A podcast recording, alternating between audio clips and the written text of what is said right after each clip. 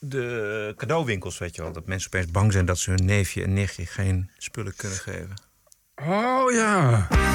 This is the TPO podcast. Nederland op slot. Want Het is ernstig. Het is heel ernstig.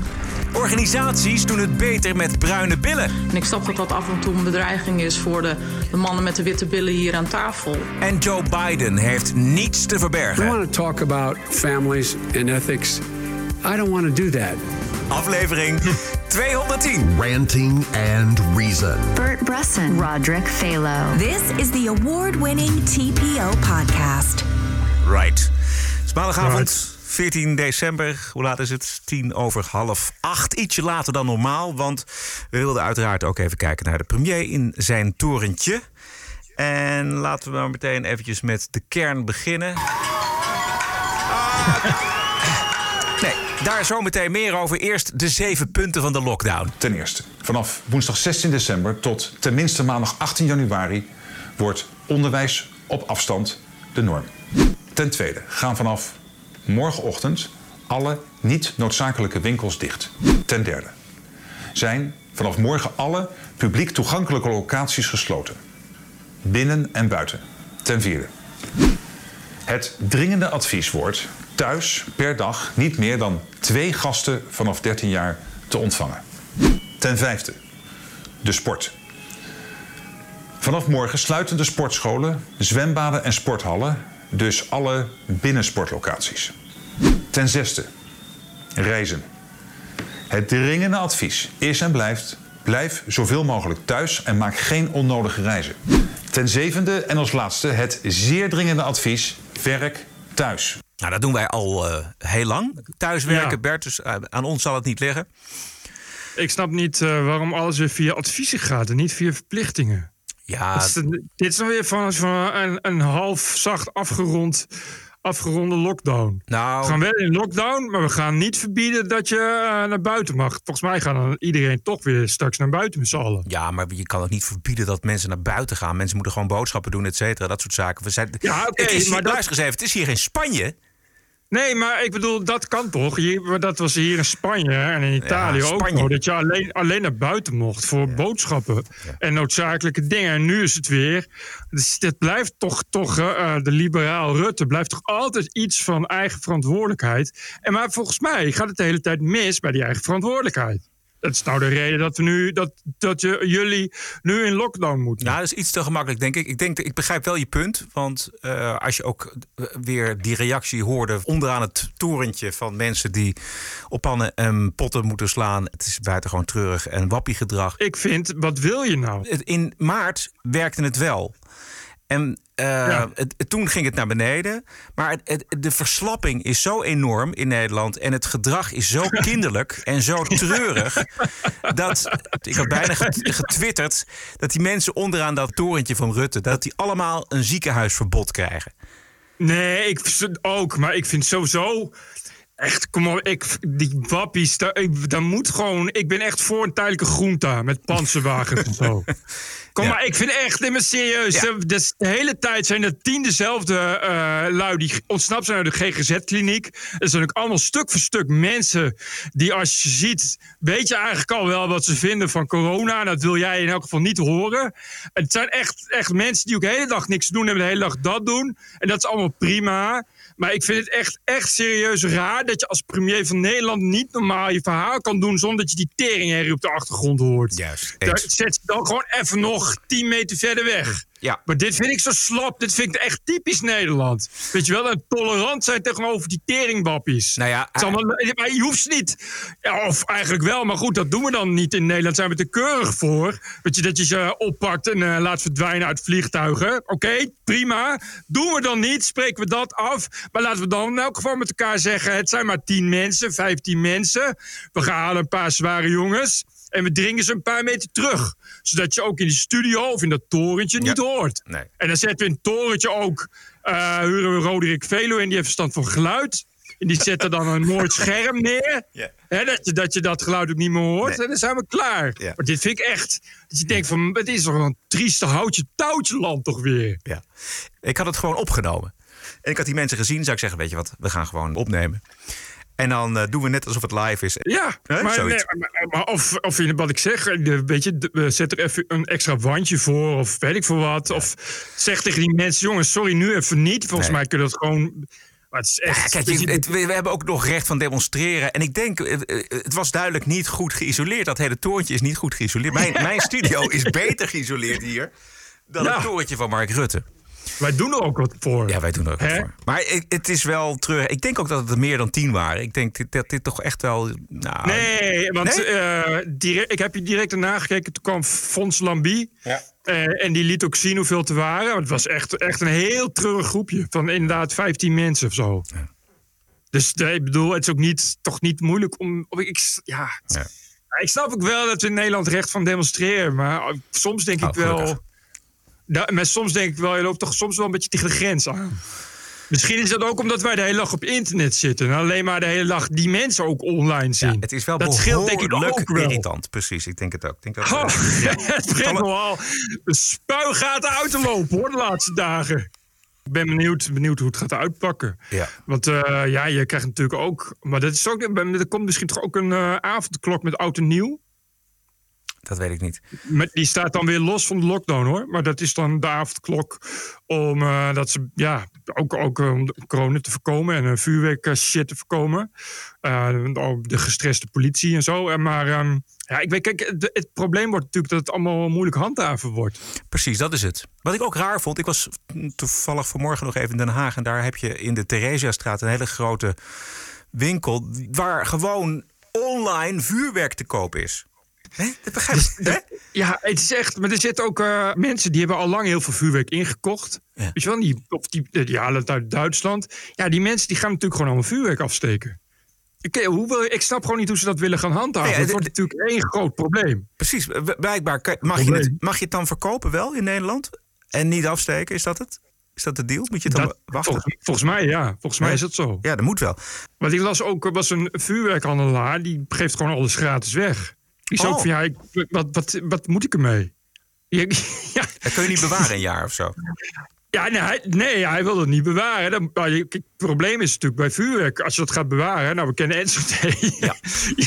dat gaat niet zomaar. Daar heb je een hoop gedoe. En die lui, Ja. die, die halen dat dan eh, van tevoren binnen. En al die mensen hebben al besteld bij hem. Ja, en, dit, en, en ja, dus je kan er niks mee. De- en- maar er gaan natuurlijk toch, worden natuurlijk eh, nog, nog tonnen aan vuurwerk. Is het dit jaar, eh, wordt er gewoon gekocht. En dat gaan mensen gewoon afsteken. Ook bovendien, ja, je, ja, er is niet, niet, niet, geen, geen mogelijkheid om dat te controleren. Nee. Het enige wat je, wat je wel zou kunnen instellen, maar dan kom je dus op wat ik al eerder zei: die mensen die vuurwerk afsteken, een ziekenhuisverbod geven. Want dat is namelijk de reden waarom er geen vuurwerk afgestoken mag worden. Omdat die, die ziekenhuizen al strak staan van de stress vanwege de corona. En dan kunnen er Ja. niet nog eens een keer honderd van die per ziekenhuis van die, van die Mongolen bij die eh, elkaar lopen te bestieren met, eh, met vuurwerk. Dus eh, iedereen die vuurwerk afsteekt, die krijgt dan een ziekenhuisverbod. Ja, en, ja goed. En iedereen die, die demonstreert, die net stond te demonstreren ook. Ook. Ook. Sowieso, die corona-ontkenners moet je sowieso een ziekenhuisverbod geven. Daar gaan de luisteraars Dat- van de TPO-podcast. Ja? Ja, dat worden weer ja, een hele hoop mailtjes. ja? Ja. Nou, toevallig vinden wij dit. Succes bij Robert Jensen, zou ik zeggen. Precies. Ging hij niet van YouTube af? Die zei dat hij van YouTube afging. Dat hij eh, de censuur zat was. Maar ik heb hem nog steeds niet weg zien gaan. Beetje, eh, beetje woord houden, Jensen. Hé, kom op. Man een man, een woord een woord. Hup, Ja. hup. Maar wordt Lekker gecensureerd dan op, op YouTube? Nou ja, tuurlijk. Hij krijgt natuurlijk wat, wat, hij allemaal uitgaat. Is natuurlijk dat, dat YouTube, dat heeft natuurlijk steeds meer eh, eh, beleid van, van eh, dat hebben ze al heel lang. Alles wat je, als je corona in de titel zet, wordt het zo ongeveer al weggehaald. Oh. En die Robert Jensen doet natuurlijk nu niet anders dan, eh, dan roepen dat het een hoax is en weet ik veel wat allemaal. Dus die, die worden natuurlijk de hele tijd, die video's worden dan geflagd en dan wordt dat verwijderd. Dus, eh, en hij zei van, eh, oh, ik ga er nu, nu mee stoppen. maar ik zie hem nog steeds niet eh, weggaan. Dus Goed, zullen we naar de politiek? gezellig. This is the TPO podcast. Ja, want we zitten wel in verkiezingstijd. Het gaat niet goed met de D66 en de campagne van D66 voor de verkiezingen. Afgelopen dagen twitterde de chef campagne uitspraken over Kaags elitaire dilemma's, wel of geen Oxford. En gisteren zat Kaag bij Linda de Mol. Ik ga ook eh, naar de Hoogvliet en kijk hoeveel nou dit en dat kost. Maar inderdaad, voorbereiding op debatten. Welke lijsttrekker moet weten hoeveel een half, uh, half, uh, halve liter melk kost? Halve liter melk kost. Nou, tegenwoordig weet ik dat ook. Ik let extra op als ik boodschappen doe. Denk Echt waar? Dat zal me niet overkomen. Dat ik niet weet wat een melk kost. En de chef-campagne van D66, maar de hele avond tikken op zijn tikmachine. Want er moest weer een uh, quote uit. Moest weer iets uh, naar Twitter toe. Zoals: uh, Ik was altijd vrolijk toen ik klein was. Maar als kind wil je geen zieke ouders hebben. Dat was een uitspraak van Sigrid Kaag bij Linda's Wintermaand. Tering. Wat is het toch? Dat, dit is dus geen het presenteren van oplossingen voor problemen in de samenleving. Dit is onzinnig promotie maken voor Sigrid Kaag. Dit is ook een beetje promotie maken hoe het niet moet, volgens mij. Maar Ja. goed, dat zal aan mij liggen. Wat is er aan de Dit hand, joh, daar? is duidelijk ook iets, iets iemand die die dingen niet doorheeft. Nee.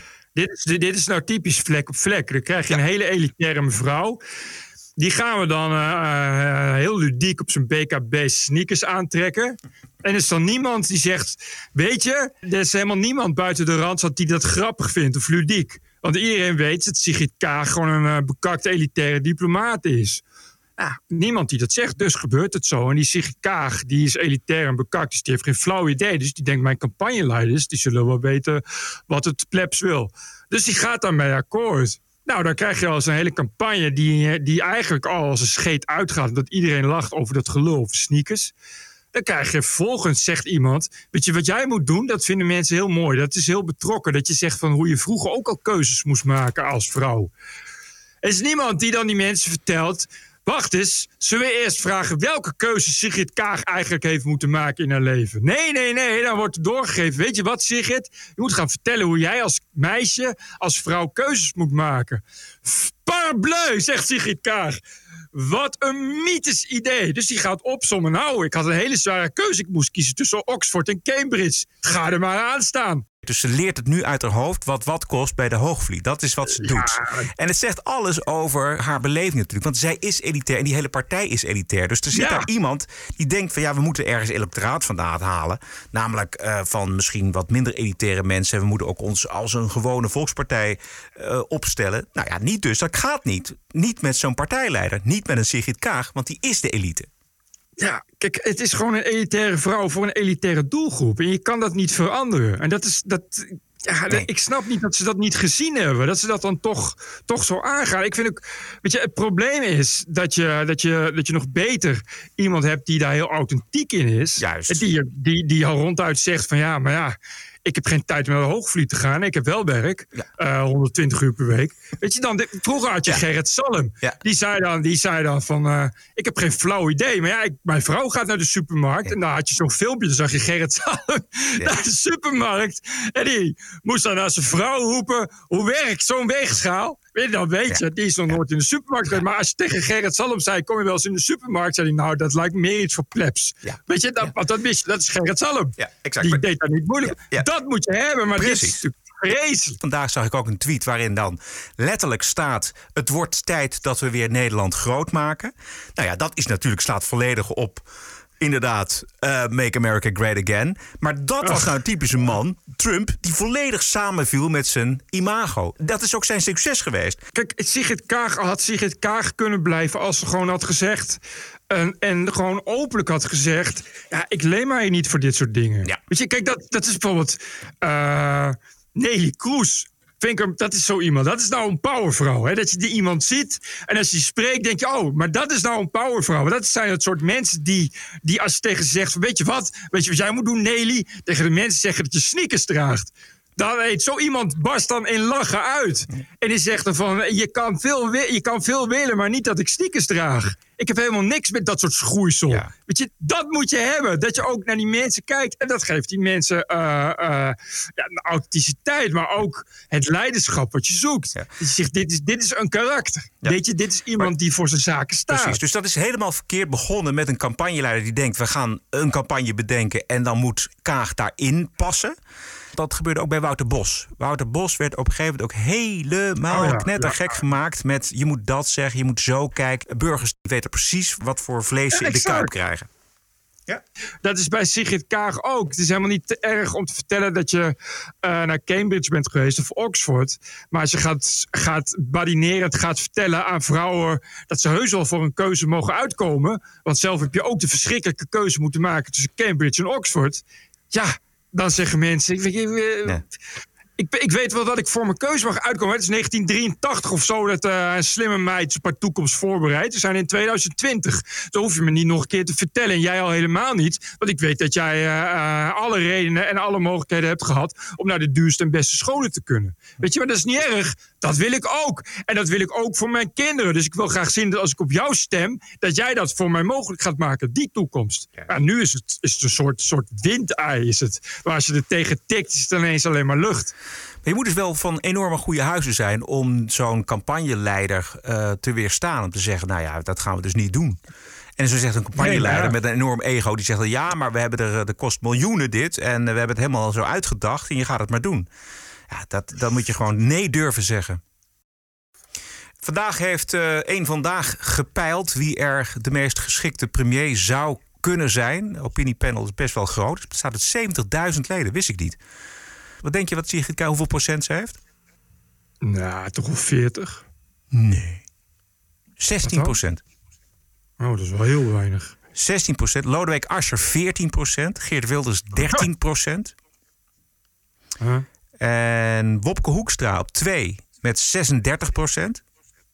Jezus. Out of, out of the blue, hè? Ja. Die, die, is, twee, die, is, die is twee dagen fractievoorzitter. Waar kennen we die ook weer van? Mensen die op de, op de winkel kunnen passen, dat waarderen wij. Dat vinden we belangrijk. Ja, ja, ja, en dat ja. kan hij. Dat, dat is ontegenzeggelijk waar. Want dat is in die, in, die, in die crisis met uh, de coronacrisis in Europa, weet je wel, met Italië en het gevecht over het geld van het Eurofonds. Heeft Hoekstra Oh, gewoon gezegd. ja. Die zei gewoon van, nou nee, uh, laat ze de eerste de boel zelf maar eventjes uh, op orde brengen daar in Italië. Voordat wij met geld over de brug komen.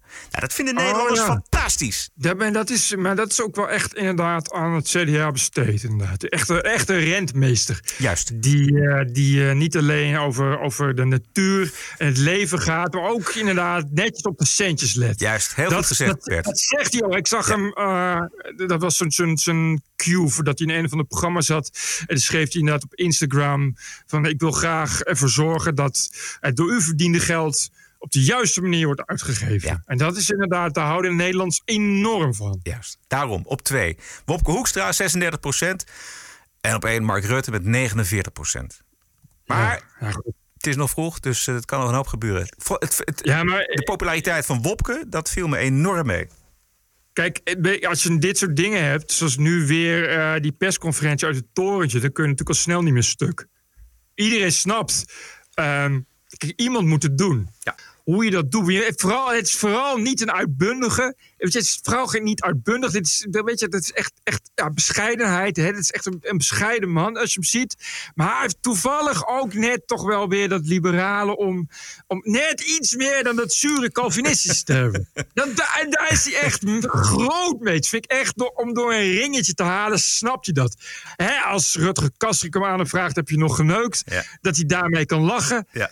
Maar tegelijkertijd eh, eh, wel net, net niet uitbundig, weet je, net die bescheidenheid. Dit is, dit, dit is niet iemand die als hij een bril nodig heeft, even lekker een paarse bril op gaat zetten, weet je, even lekker gek doen. Nee. Dat snapt hij echt.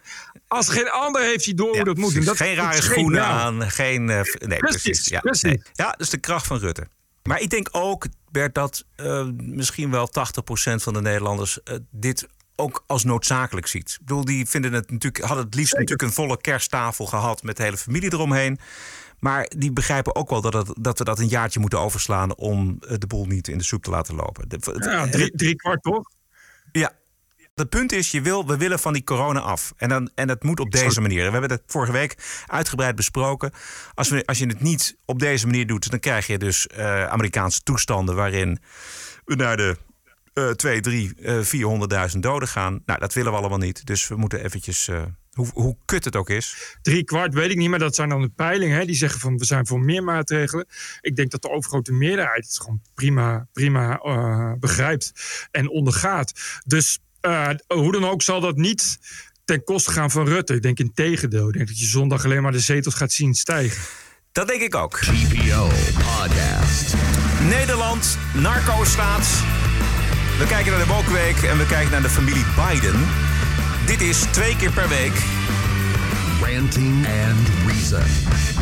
Eventjes eh, van D66 naar GroenLinks. Want eh, ja, om de partij inclusief te maken voor de orthodoxe islam... levert GroenLinks wat progressiviteit in. En er wordt net iets te veel ingeleverd op dat gebied. Dat leidt tot gemor onder de gelederen. Er zijn mensen die hun lidmaatschap opzeggen van GroenLinks.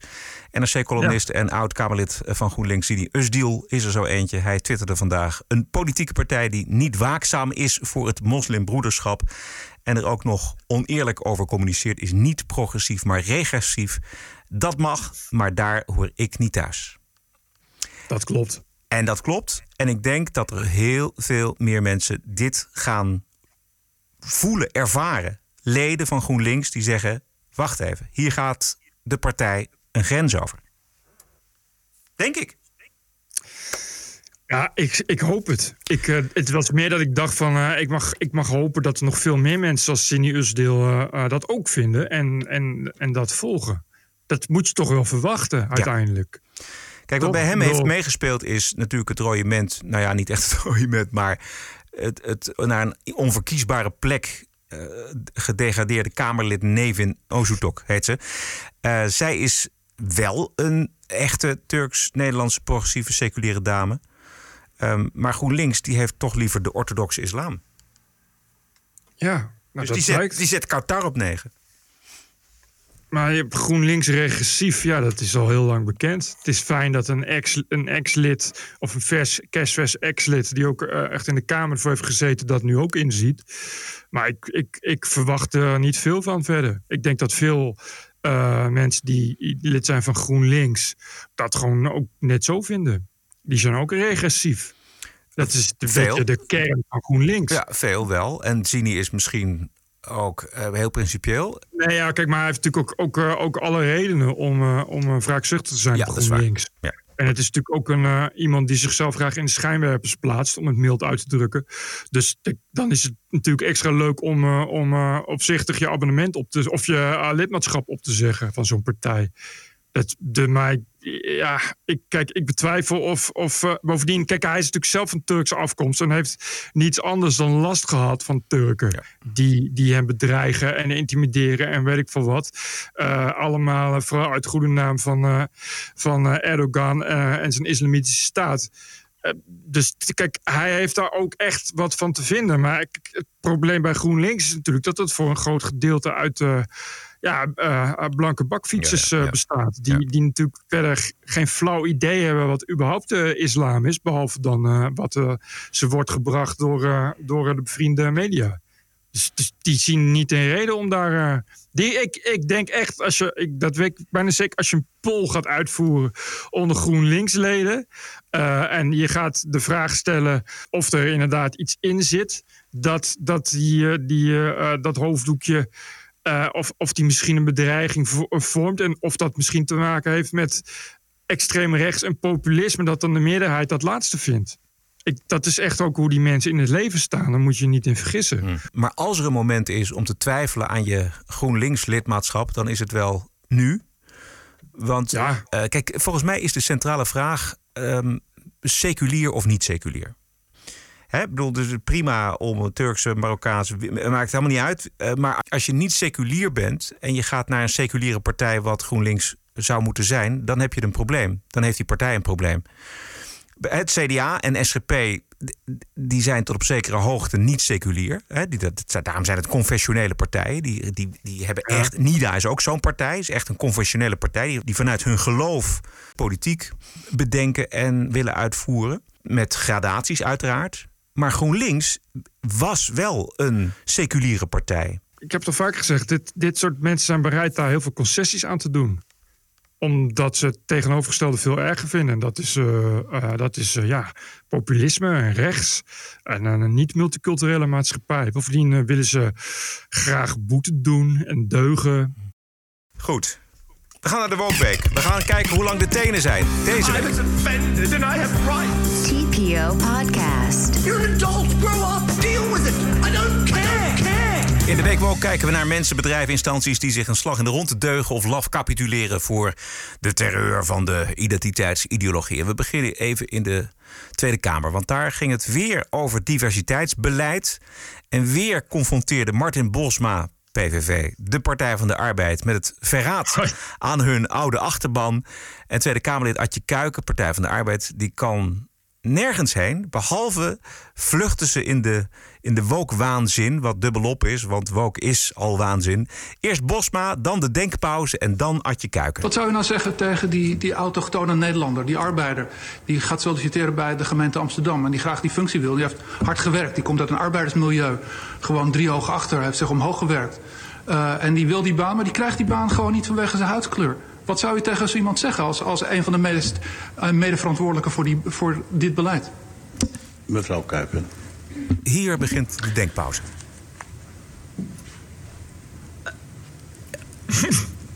Ik zou vooral willen weten hoe kan het toch zo zijn dat onze, uh, dat onze samenleving zo divers is en dat sommige, uh, sommige maatschappelijke organisaties, gemeentelijke instellingen, rijksinstellingen nog sowieso eenzijdig zijn.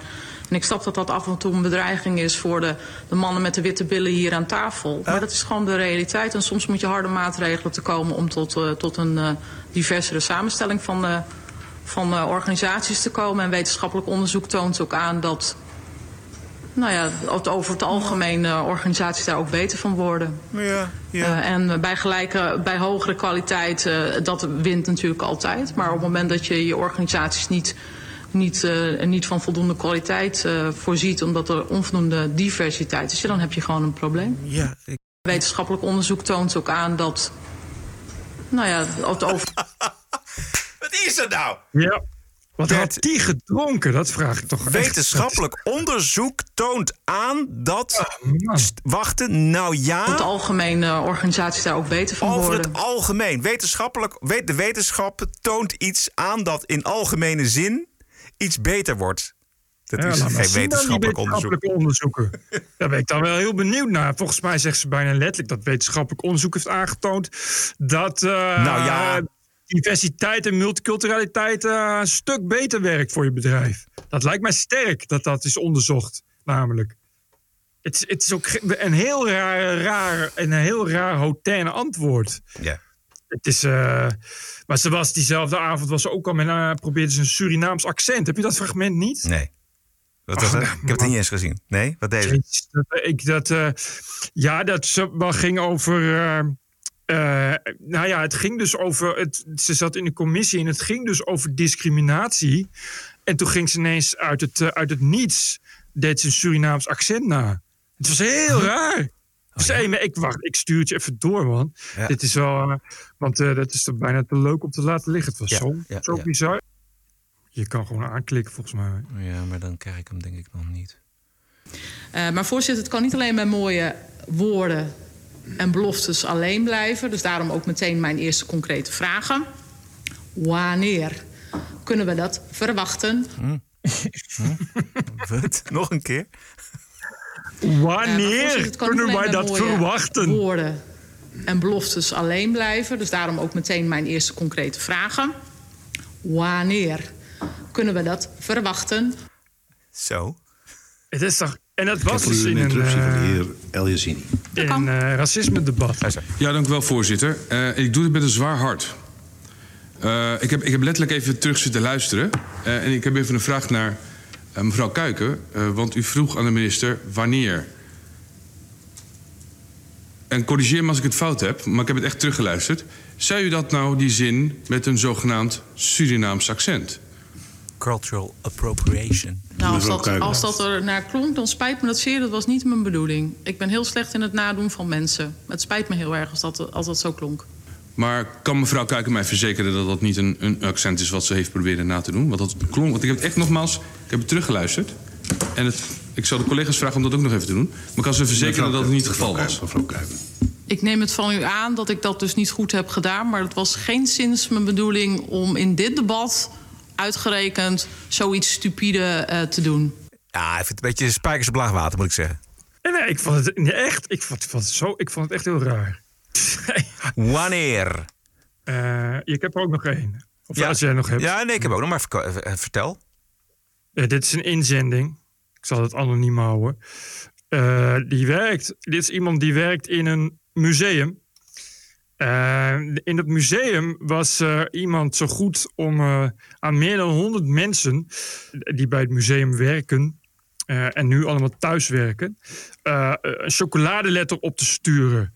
En dat deed hij mm, met een gedicht en pepernoten. En eh, op dat gedicht stonden leuke Sinterklaas eh, plaatjes. Dus eh, je begrijpt, onlangs stuurde hij een ehm, spijt me mailtje, want deze week ontvingen jullie een chocoladeletter in jullie brievenbus. En net als ieder jaar heb ik samen met een aantal collega's mijn best gedaan om er iets moois van te maken. Helaas is er in een onoplettend moment een illustratie van een zwarte Piet in terechtgekomen. en dat is in deze tijd natuurlijk niet meer acceptabel. Ik vind het ongelooflijk vervelend dat dit is gebeurd. Mijn welgemeende excuses aan de collega's voor wie dit een vervelend gevoel heeft gegeven. Dit is dus capituleren, laf capituleren voor de terreur van de identiteitsideologie. Dit is jammer. Ik begrijp het wel, maar het is ontzettend jammer dat die meneer dat gedaan heeft. Of mevrouw. Het is ook, ik, ik, ja, als je het plaatje ziet, het is ook gewoon een, eh, ja, het is gewoon een comic van een, een, een stripplaatje van een zwarte Piet. Vandaag stond er nog een pagina grote waarschuwing eh, in de Britse krant The Guardian. Om vooral niet naar podcasts te luisteren. Want eh dit is een stuk van eh ene Ariel Borrell. Dat is een journalist die on- onderzoek doet naar online desinformatie. Zogenaamd online desinformatie. Terwijl sociale netwerken gevaarlijke inhoud aanpakken, geeft podcasting het een grotendeels ongemodereerd platform. Met een grote Vreselijk. foto van Joe Rogan erbij. Vreselijk. Vreselijk, ja. Eh, Ongemodereerd. Ongemodereerd. Dus- nee, nee, nee, nee, precies. Onge- ja, ongemodereerd. Ja. Ehm, staat dat ongeveer een derde van de Australische nieuwsconsumenten inmiddels naar podcasts luistert. Ook vanwege de, de pandemie. Dus het aantal luisteraars naar podcasts die, die zijn enorm hard aan het stijgen. Dat vind ik een goede ontwikkeling. Dat vind ik dan Ja, weer wel goed. En ze lezen dus niet The Guardian. Dat zal Nee, heel veel pijn niet. doen. Nee, nee. Toch is de rol van podcast in het informatie-ecosysteem grotendeels niet onderzocht, schrijft deze meneer. Terwijl alt-rechtse figuren, het zijn altijd alt-rechtse figuren, Ja, in ja, ja. toenemende mate van Facebook en Twitter worden verjaagd, ontwikkelt podcasting zich als de volgende arena waar de strijd om twijfelachtige of gevaarlijke inhoud zal plaatsvinden. Het probleem van het modereren van audio-inhoud is echter netelig dat is ook heel lastig, want dan moet je al die podcasten gaan afluisteren of er iets eh, onoorbaars wordt gezegd. Maar goed. Ja, maar goed. Er staat wel, eh, je hoort, ik heb het artikel ook gelezen. Ja. Eh, en hij laat vooral anderen aan het woord om te zeggen wat hij zelf wil exact. horen. Om het toch nog een beetje journalistiek te houden. Ja. Maar je hoort, je, je leest tussen de regels door dat dat echt, hoort eigenlijk te schande. Hè, dat Joe Rogan zomaar op Spotify, dat Spotify niks doet. Want er staat ook bij van ja, want ja, anderen worden wel, eh, anderen worden wel van, van YouTube gehaald en Facebook. En dan kan zo'n Joe Rogan, waar dan iedereen naar luistert. Nou, ook, ook voorbeelden van Joe Rogan. Ja, die geeft zomaar, laat zomaar eh Milo Yiannopoulos spreken. En nou ja, eh, Alex Jones. Dat kan een schande, schande. Een, beetje, een beetje een platform geven aan mensen die helemaal geen platform verdienen. Eh, En schadelijk en, vooral, dat vind ik ook zo. Hij, hij. Het is schadelijk voor de mensheid dat er zoveel desinformatie of verkeerde informatie dan via podcast tot de mensen komen. Dat was een beetje het Ja, idee. Ik vind dat zo'n er wonderlijke combinatie. Journalist en sensor tegelijk. Ja, maar er staat ook wel oh, in de tweede alinea gaat het meteen over extreem rechts ook. Ja. Er wordt ook meteen gelijk getrokken. Je, je, jij krijgt ook duidelijk, duidelijk mee dat eh, je hebt zeg maar goede media en je hebt iets minder goede media en je hebt extreem rechts. Ja. dus, dus is automatisch, als wij het over slecht hebben bij The Guardian, dan weet je, dan gaat het over extreem rechts. En dat moet gecensureerd worden en gemodereerd. De rest is natuurlijk allemaal, allemaal uitstekend, maar extreem rechts. Je, het zit, altijd een soort. Het zit allemaal fascisme. Als je dat maar Ja. ongebreideld laat borrelen. dan eh, gaan de treinen weer rijden of zoiets. Maar en, en, nu, eh, en ze gooien er nu dan weer op. eh, op dat was een heel raar voorbeeld. Want hij neemt als voorbeeld dat bij Joe Rogan iemand zat. die had gezegd dat het coronavirus misschien wel mede door mensen was gemaakt. en ontsnapt uit een laboratorium. Dat was Brad Weinstein die dat zei. Die daar zat. Wat geen domme jongen is. Ten eerste. En ten tweede had hij daar hele goede redenen voor. En als je dat hele gesprek luistert, zegt hij eh, van nou, de, de- die strijd is nog niet gestreden. Want hij zegt van nou, we weten bijvoorbeeld dat er aan het DNA dingen zitten. Waarvan het raar is dat die, dat die eh, raar zou zijn dat die in de natuur zouden kunnen ontstaan. En eh, het hoeft niet zo te zijn dat dat met opzet is gebeurd. Maar er is daar dat laboratorium. En daar zijn eerder al veiligheidsproblemen geweest. Dus het zou heel goed kunnen dat iemand die in het laboratorium werkt, daardoor is besmet en dat heeft rondverspreid. Dat is een beetje wat hij zegt. Dan wordt hier ook echt meteen geframed. Nee, zie je, dat is, dat is dus wat die podcast doen. Een beetje, een beetje complottheorieën pennen. Het is echt, echt het tegenovergestelde van een complottheorie ook. Ja, ja, ja. Maar we liggen in het vizier van dit soort gasten. Eh, dan Mooi. nog een laatste. Ik kwam tegen dat de Britse tuincultuur racistisch verklaard is. En wel door de Britse botanist en presentator van de BBC, James Wong. James Wong heeft eh, Chinese ouders of Chinese voorouders. En hij twitterde... De Britse tuincultuur heeft absoluut racisme in zijn DNA ingebakken. Het is zo integraal dat als je op het bestaan wijst, mensen aannemen dat je tegen tuinieren bent en niet tegen racisme. Eh, bijvoorbeeld belichaamd door het misbruik van woorden als erfgoed en inheems. En dat is racisme, want? Ja, dat is racisme. Eh, omdat de tuinen worden ingedeeld in, er- eh, in erfgoed en in inheems. En hij was een keer op een bijeenkomst, eh, ook van tuinierders. En toen kwam hij met een aantal planten aan. En zei van, nou, dat is ook leuk en dat is ook leuk. Want hij is zelf dus botanist.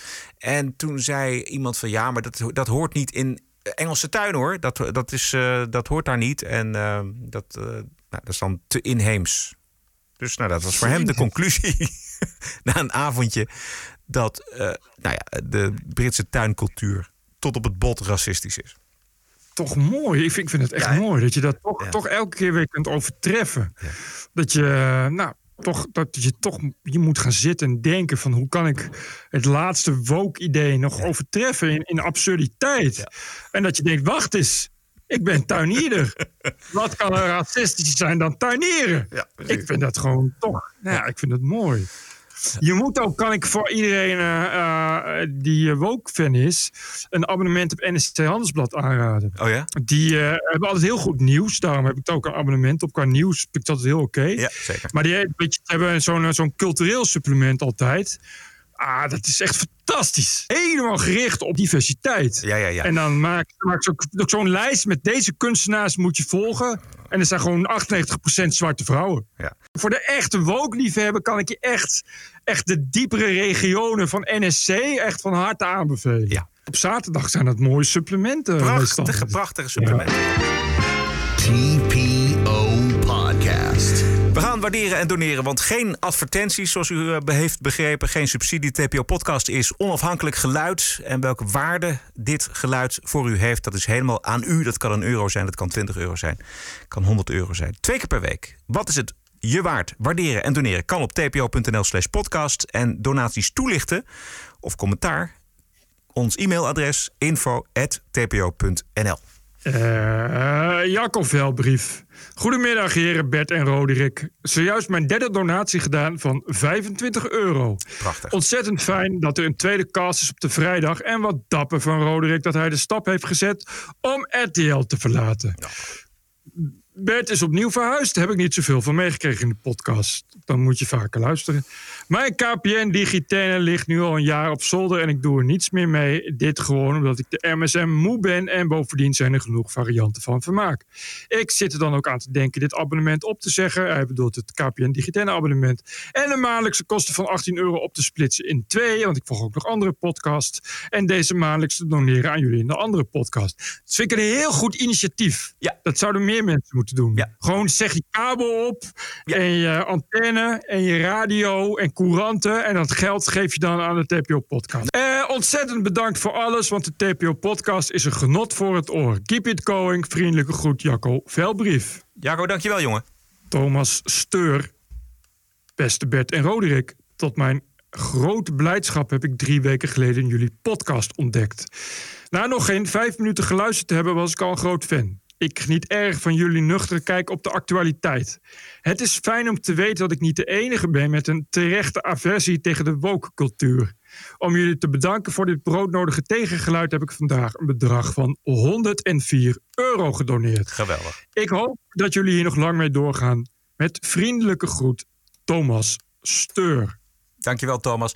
En als je podcasten van vroeger wilt terugluisteren, kan allemaal. Ga naar tpo.nl of naar YouTube, volgens mij ook. En, en Spotify, daar vind je ze allemaal onder elkaar. Dus als je nog uh, niks te doen hebt tijdens de lockdown, dan kun je oude afleveringen terugluisteren.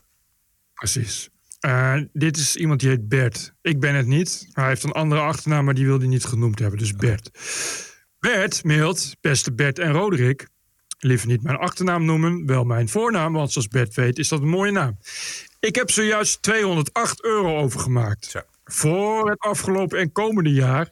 Omdat ik vind dat jullie geluid in de lucht moet blijven in deze woke tijden. Ik geniet er iedere keer weer van. Van jullie geluid dan, niet van woke. En nu zelfs twee keer in de week. Complimenten daarvoor. Een welkom en broodnodig geluid als antwoord op de onafgebroken stroom kletspraat van overheid, mainstream media, bedrijven en zelfverklaarde wereldverbeteraars over diversiteit, inclusie, bias en institutioneel racisme. Je denkt iedere keer dat de grens van het bukgedrag nu al is bereikt, maar dan wordt er gewoon weer een tandje bijgeschakeld. Daarom blijf scherp en kritisch en behoud vooral ook je gevoel voor humor in deze groteske tijden. Blijf ons aangenaam verrassen met jullie eerlijke en realistische kijk op de waan van de dag. Hartelijke groeten, Bert. Dank Bert. Wim van den Groenendaal. Godver jongens, nu ook al op vrijdag. Daarvoor net al 20 gulden gedoneerd. Dit keer anoniem hè. Zet hem op. Met vriendelijke groet Wim van den Groenendaal, die dit keer anoniem wil blijven. Christine Wiarda. Beste heren, vorig jaar een donatie gedaan en ik vond het tijd om er weer een te doen. En omdat jullie nu twee keer per week te beluisteren zijn en omdat Roderick ZZP'er is geworden. Ja. Uh, oh, dat was de zin. Sorry, geen podcast gemist en nog steeds super om naar te luisteren. Ik vind punten heel kwetsend. Nee. Ik, ik woon al jaren in Frankrijk en heb een Nederlandse vriendin die hier ook vlakbij woont, waar ik wekelijks met haar over de podcast kan praten en discussiëren buiten mijn man om, die ook dagelijks meeluistert. Bij de rest van onze Nederlandse kennissenkring doe ik maar geen poging, want dat is volgens mij van het gehalte Team Kaag. Is het misschien een idee om de podcast met beeld uit te zenden? Ja, dat vind ik een goed idee. Dan kan ik ook jullie gezichtsuitdrukking erbij zien. Ik zag jullie laatst op TPO met zo'n kort fragment. Bert in een kaal hokje en Roderick met links voor de kijkers een leuke kast staan. Groetjes, Christine Wiarda. PS, je kan de mail gewoon voorlezen, smiley. Zijn we mee bezig met het beeld?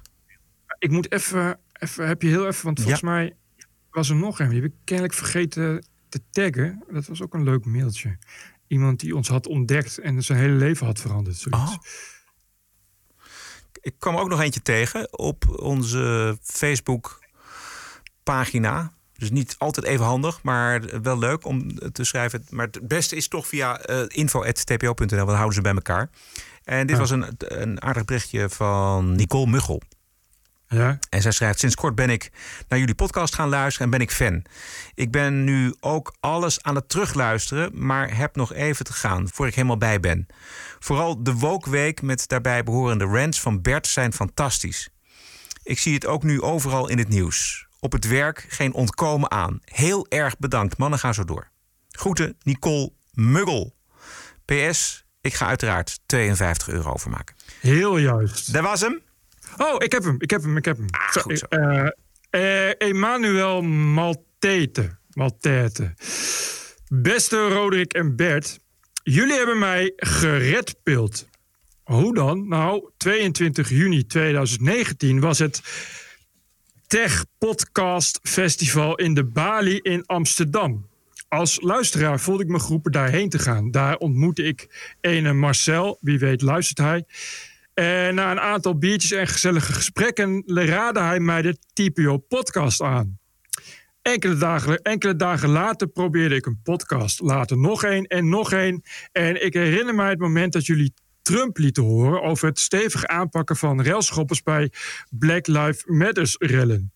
Het frame in de reguliere media was steeds dat hij keihard wilde optreden tegen onschuldige burgers. Mijn ogen gingen open.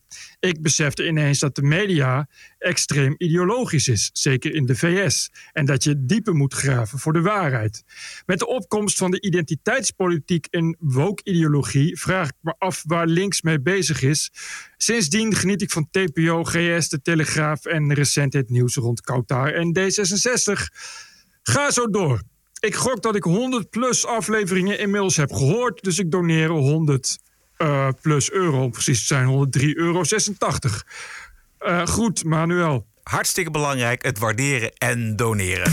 Dit is de TPO-podcast. Een eigenzinnige kijk op het nieuws en de nieuwsmedia. Elke dinsdag en elke vrijdag. Twee keer per week, het hele jaar door. Zonder reclame en zonder een cent subsidie. 100% onafhankelijk. The award-winning TPO-podcast. Wat is het jou waard? Kies een euro per aflevering, 104 euro per jaar... of kies zelf een bedrag. De TPO-podcast. Wat is het je waard? Doe mee en doneer op tpo.nl slash podcast. En wie zit er nou ook alweer in het Witte Huis? This is our country. This is CNN breaking news. I believe that the president is literally an existential threat. Stop the hammering out there. Who's got a hammer? Make America great again. New York Times and CNN have also smeared veterans like myself. This video was taken during a heated exchange with an unidentified man who called Cuomo Fredo. Stop the hammering. This is the TPO podcast. News 630 WMAL, Washington. Het onderzoek naar mogelijk criminele activiteiten van Hunter Biden, dus de zoon van de aanstaande president Joe Biden, gaat in de volgende versnelling. Again, our other top story new information about the federal investigations into Hunter Biden's taxes, but sources telling Fox the investigation is actually bigger in scope. The federal investigation into Hunter Biden's tax affairs and business dealings was active in the final days of the presidential campaign, but it was covert to avoid influencing the outcome of the election. It's now in an overt phase. Fox has told his father, the president elect, is not part of this probe. But a Republican member of the Homeland Security Committee notes Hunter traveled overseas when his father was vice president. What did Joe Biden know and when did he know it? He needs to answer questions. Yeah. He needs to answer questions. Dit zijn de Republikeinen die willen tekst en uitleg natuurlijk van uh, Uncle Joe, van de Big Man. Het liefst nog uh, voordat hij president wordt, maar of dat gaat lukken is zeer de vraag. En het draait allemaal om die familie Biden met als speel Papa Joe natuurlijk. De verhalen en de verdenkingen betreffen de positie van Papa Joe als vicepresident onder Obama. En de verhalen zijn dat Joe Biden misbruik zou hebben gemaakt van die positie voor lucratieve deals, bijvoorbeeld in uh, Oekraïne en in China. En die deals die zijn zoons dan voor hem afsloten. En niet alleen zoon Hunter, maar ook zoon James. There's more than one Biden caught up in a federal investigation. Hunter and James, Biden's brother, whose name has come up in the course of an investigation into a hospital business he's linked to, according to a report in Politico. This is the same brother who allegedly introduced then former Vice President Biden to a business partner. I was introduced to Joe Biden by Jim Biden and Hunter Biden. We want to talk about families and ethics. I don't want to do that. vind het zo mooi. Ja, ja. Het is op on hold gehouden, dat onderzoek door de FBI vanwege natuurlijk de verkiezingen. Maar dat is iets wat reglementair is, zeg maar. Maar dat ontslaat natuurlijk de okay. journalistiek niet om daar wel achteraan te gaan. Want de, de, de, journalistiek kent dat soort reglementen helemaal niet. Je moet gewoon de stront boven halen op het moment dat er stront is. En er was stront. En er is nog steeds stront. En we zien steeds meer. Ik zag ook een verslag van Wolf Blitzer. En het lijkt er een beetje op alsof nu de grote nieuwsmerken willen verbloemen dat ze er in de tijd geen aandacht aan hebben besteed. Door er nu wel aandacht aan te gaan besteden. Ja, dat is een beetje het probleem dan, hè? Als je je taak verzaakt ja. en het dan ineens wel doet, dan gaan mensen zeggen van... hé, hey, maar er was toch niks aan de hand? Ja, ja ik bedoel... Uh, ik kan me toch herinneren dat de New York Post toch een heel, uh, heel goed scoopje had. Zo erg dat het werd gecensureerd door Twitter. Ja. En dat daar uh, verder alleen maar krekels en tumbleweeds op volgen. En nu ineens is het kennelijk ineens wel weer een, een journalistiek issue. Dus je vraagt je af, wat wil die Amerikaanse journalist eigenlijk? Wat willen die mensen precies? Ja, dat, wat willen ze precies? Ja, helemaal totaal de vraag. Goed. Uh, de TPO-podcast is te vinden op iTunes, Spotify en Soundcloud. En natuurlijk op tpo.nl. Zeer veel dank voor de ondersteuning van deze aflevering. Is altijd nodig. We zitten al op 210. Post kan naar info.tpo.nl en waardeer ik al op tpo.nl slash podcast. We zijn terug vrijdag 18 december. Stay cool en tot vrijdag. Ah, veel plezier met de lockdown, hè, jullie. TPO Podcast. Bert Bruson, Roderick Balo, Ranting and Reason.